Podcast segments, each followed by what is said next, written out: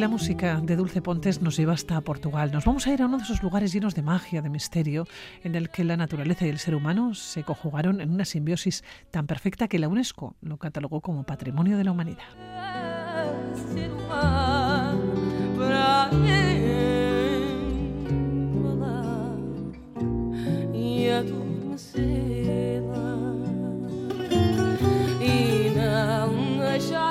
Y nos vamos al Monte de la Luna, a Sintra. A ver, Bañuelos, ¿cómo estás? Egunon, buenos días. Ahí soy, Egunon. Pues si nos vamos a Sintra, imagínate, encantado de la vida. Qué sitio tan maravilloso y tan cercano también, y a veces tan desconocido.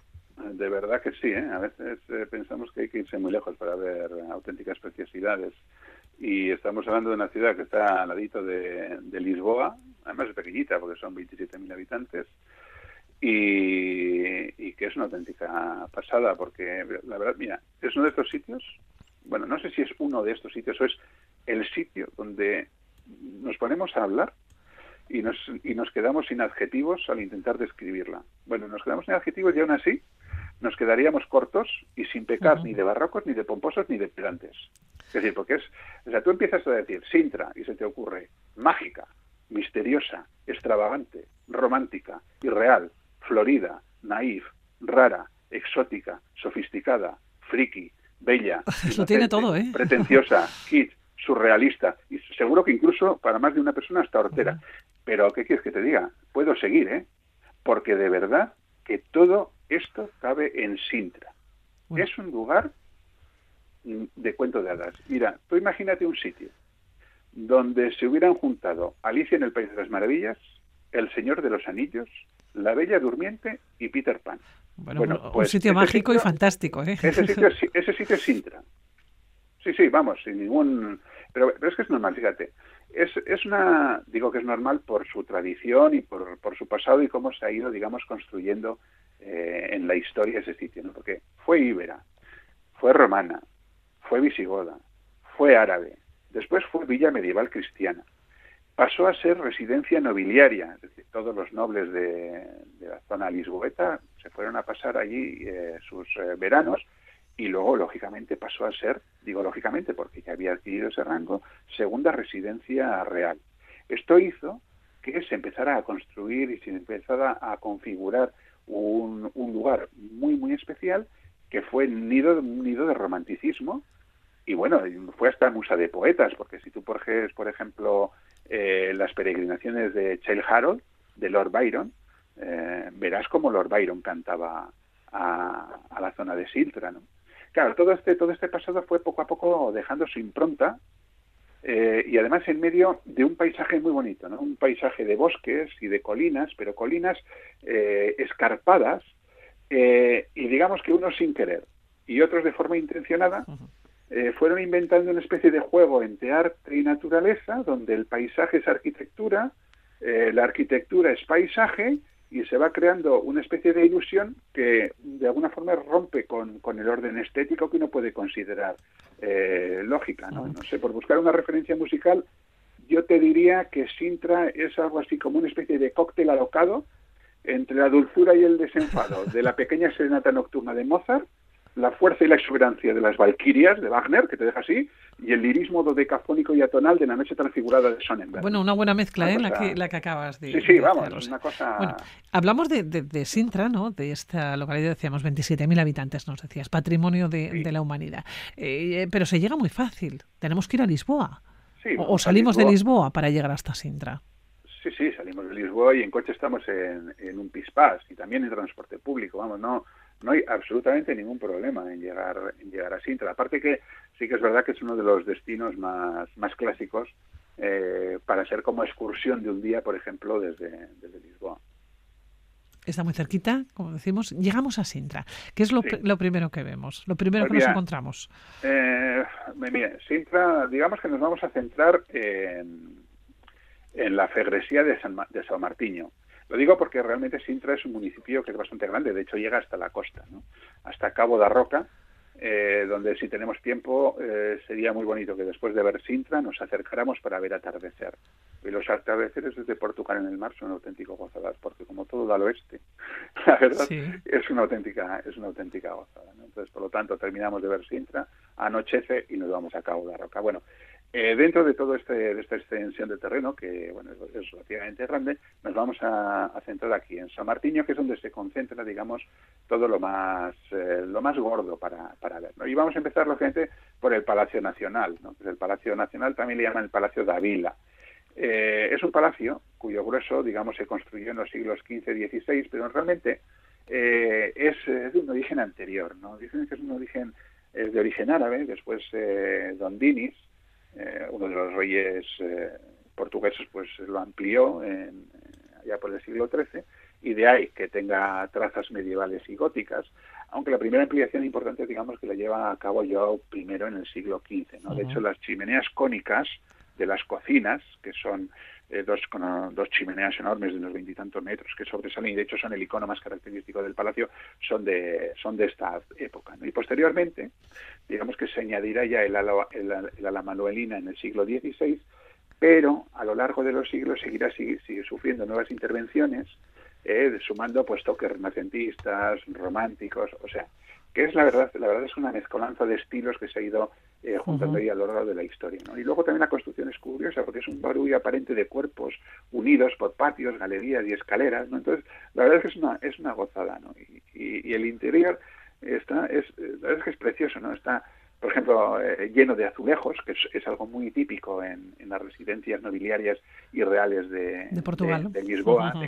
bueno, es, en realidad de Portugal. Es una de las características de, Portugal, nuestros azulejos azules, que parece ser que son de herencia andalusí. Y luego tiene una serie de salas, un montón de las cuales, pues no sé, yo destacaría varias. ¿no? Por ejemplo, la sala Dos Cisnes, con el techo policromado, la sala de las pegas, que es, muy curiosa, porque vamos a mirar el techo y vamos a ver un montón de urracas ¿no? pintadas con un pergamino eh, que pone por Ben, y que al parecer lo que pasa, el por Ben, este famoso, bueno, lo, que debe ocurrir es que el Joao I eh, le pilló la reina Filipa de Lancaster, le pilló besando pues a una cortesana, a una criada, ¿no? Y entonces a no se le ocurrió toda cosa que decirle fue por Ben, ¿no? Que viene a ser algo así como esto no es lo que parece, ¿no? Bueno, el caso es que el Foy por Ben este se fue la comidilla de, de, la corte y de todas las criadas y criadas y demás de esto y al final dijo así, pues ahora, ahora vais a ver, agarró y pintó un montón de urracas queriendo representar a todas estas eh, correvidiles y a todas estas a la, a la situación, ¿no? rumores poniéndoles un letrerito o un cartelito de, de fui por de, por Ben y pintándolo en el techo. Todo esto nos lo encontramos en el Palacio Nacional, pero sí, que es cierto. La, la, sala de armas, la sala de los árabes, en fin, una serie de de, estancias que son muy chulas. Claro, ahí está este palacio, pero también hay castillos y, tenemos ¿no? más palacios. Es un lugar pequeño, pero con mucho colorido y también eh, con mucho lugar para ver y con muchas cosas. Sí, uno de los castillos más bonitos de Portugal para mi gusto es el Castelo dos Mouros, por ejemplo. ¿no? Está rodeado de bosques sobre una colina y, y tiene además unas vistas excepcionales. ¿no?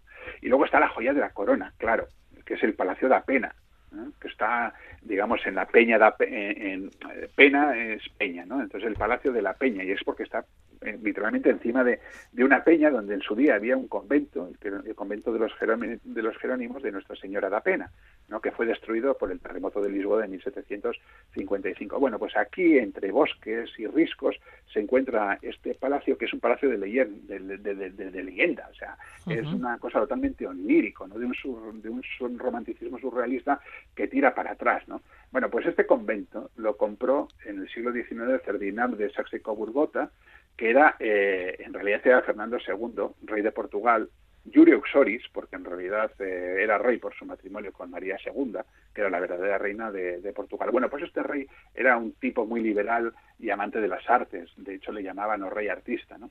Restauró el convento y no se le ocurre cosa mejor que contratar a un tipo muy peculiar que era Wilhelm Ludwig von Sengue, el varón de Sengue, ¿no? Para convertirlo en palacio. Y digo que es un tipo curioso porque era varón, era geólogo, era geógrafo, era metalúrgico y, hombre, arquitecto. Bueno, se lo tenía todo. Sí, tenía unas ideas un tanto peculiares sobre el arte, ¿no? Digamos, por decirlo de una forma suave, digamos que tenía unas ideas un tanto eclécticas, ¿no?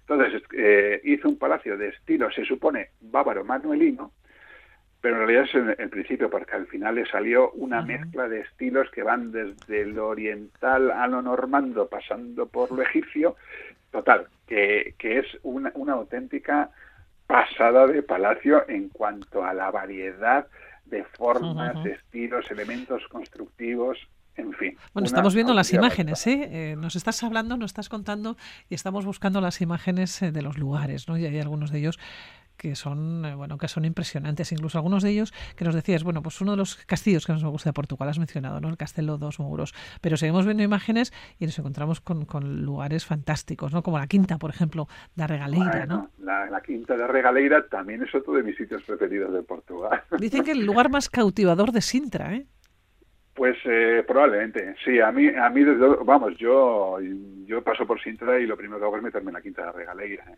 porque es que es una auténtica pasada. Mira, esto es de principios del siglo XX y, y la verdad es que es otra locura eh, absolutamente encantadora y mágica. Aquí esto se debe a un tipo también muy especial que se llamaba Antonio Carballo Monteiro, que era un criollo brasileño, es decir, un portugués que había nacido en Brasil de padres portugueses, que bueno, se hizo rico, volvió a Portugal. Y este, este señor era francmasón, pero aparte de francmasón era un excéntrico y quiso construirse una quinta allí en Céntrica, eh, digo en Sintra, junto con todos los, eh, los nobles de la zona, y no se le ocurría mejor idea que, con, que contratar a Luigi Manini, que era un escenógrafo de ópera. Pues imagínate un escenógrafo, un escenógrafo de ópera en el siglo XIX construyendo, o principios del siglo XX, eh, construyendo una, una quinta. Bueno, pues se lió la manta a la cabeza, hizo un compendio de arquitectura cargada de simbolismos masónicos, templarios, románticos. Entonces es un lugar lleno de grutas, torreones, pasadizos, balconadas. Y ya cuando llegas al lugar, a mi preferido, bueno, yo creo que es el lugar preferido de casi todo el mundo, que es el pozo de iniciación, dices, madre de Dios, aquí hay que venir a rodar una película de Indiana Jones por lo menos. No, imagínate un tubo excavado en la, en la tierra, totalmente vertical, no sé cuántos metros tendrá, pero aquello ya tiene 50 metros o 40 o yo qué sé, ¿no? Entonces, pero que alrededor del tubo es una escalera en espiral, ¿no? Y está flanqueada, o sea, todo lo que es el perímetro interior, por eh, una arcada, ¿eh? también lógicamente en espiral, de, de, arcos eh, románicos. Un lugar absolutamente mágico y luego ya si vas a la, propia villa con sus sueños de cristal o a la capilla de la Santísima Trinidad y dices, bueno, pues es que ya se redondea, ¿no? Es la verdad es que es una, una, zona absolutamente mágica, porque yo creo que no se le puede llamar de otra manera, mágica, misteriosa, eh, muy, muy chula. Muy, bueno, palacios que se convierten, o que hoy en día, ¿no? Por ejemplo, los encontramos eh, como hoteles. Por ejemplo, el Palacio de, Setegáis, claro, neoclásico él. Sí, sí. O el Palacio de, de Monserrate, que este no este afortunadamente no se ha convertido en hotel, ¿no? Eh, y que es una cosa también muy muy loca, ¿no? Porque es de, está construido en una especie de, de estilo romántico morisco, ¿no? Mira, este es el, ese es precisamente el que, el que describe Lord, Lord Byron. Lord Byron, ¿no? Sí, el Palacio de Monserrate, ¿no? Y, y, que no solamente se conforma con tener, con ser muy bonito el propio palacio, sino que el, el, parque es también muy chulo y además tiene un jardín botánico bastante, bastante más. Bueno, quedan más palacios, eh, pero como bueno, el tiempo como se pasa muy rápido y claro, estamos en Portugal, yo creo que lo que no podemos perdernos tampoco es eh, ya pasear por Sintra, no perdernos un poco en las calles y comer. Hombre, Comer en Sintra, bueno, comer en Portugal. Comer en Portugal. Eh, voy a caer en el tópico, pero es que, mm, de verdad, mi reino por un buen bacalao. Es que a mí me encanta el bacalao. Y si en algún sitio se puede comer buen bacalao, es en Portugal. Pero no solamente eso, ¿eh? Yo recomiendo en Sintra especialmente probar los dulces. Son muy buenos y muy ricos. Es decir, hay que una buena comida de bacalao, pues regada con un buen viño verde, y terminada de postre con un, con un dulce de, la zona. Perfecto. Pues ya tenemos el viaje, ya tenemos que marcharnos a Sintra. Lo tenemos muy cerquita, recordamos, llegamos a Lisboa y después, pues, o bien en coche, o bien en autobús, o en algún transporte público, nos vamos a acercar. Bueno, pues uno de los lugares es un palacio de cuento, ¿no? Jardines, eh, podemos encontrarnos con románticas leyendas, que ya nos has contado unas cuantas de ellas. Bueno, esta villa, villa portuguesa, como decimos, que está al lado de Lisboa prácticamente, y patrimonio de la humanidad desde 1995. Xavier, que nos seguimos escuchando. Cuídate pues mucho. Pues nada, aquí estaremos. Un abrazo. Pues. Agur. Agur.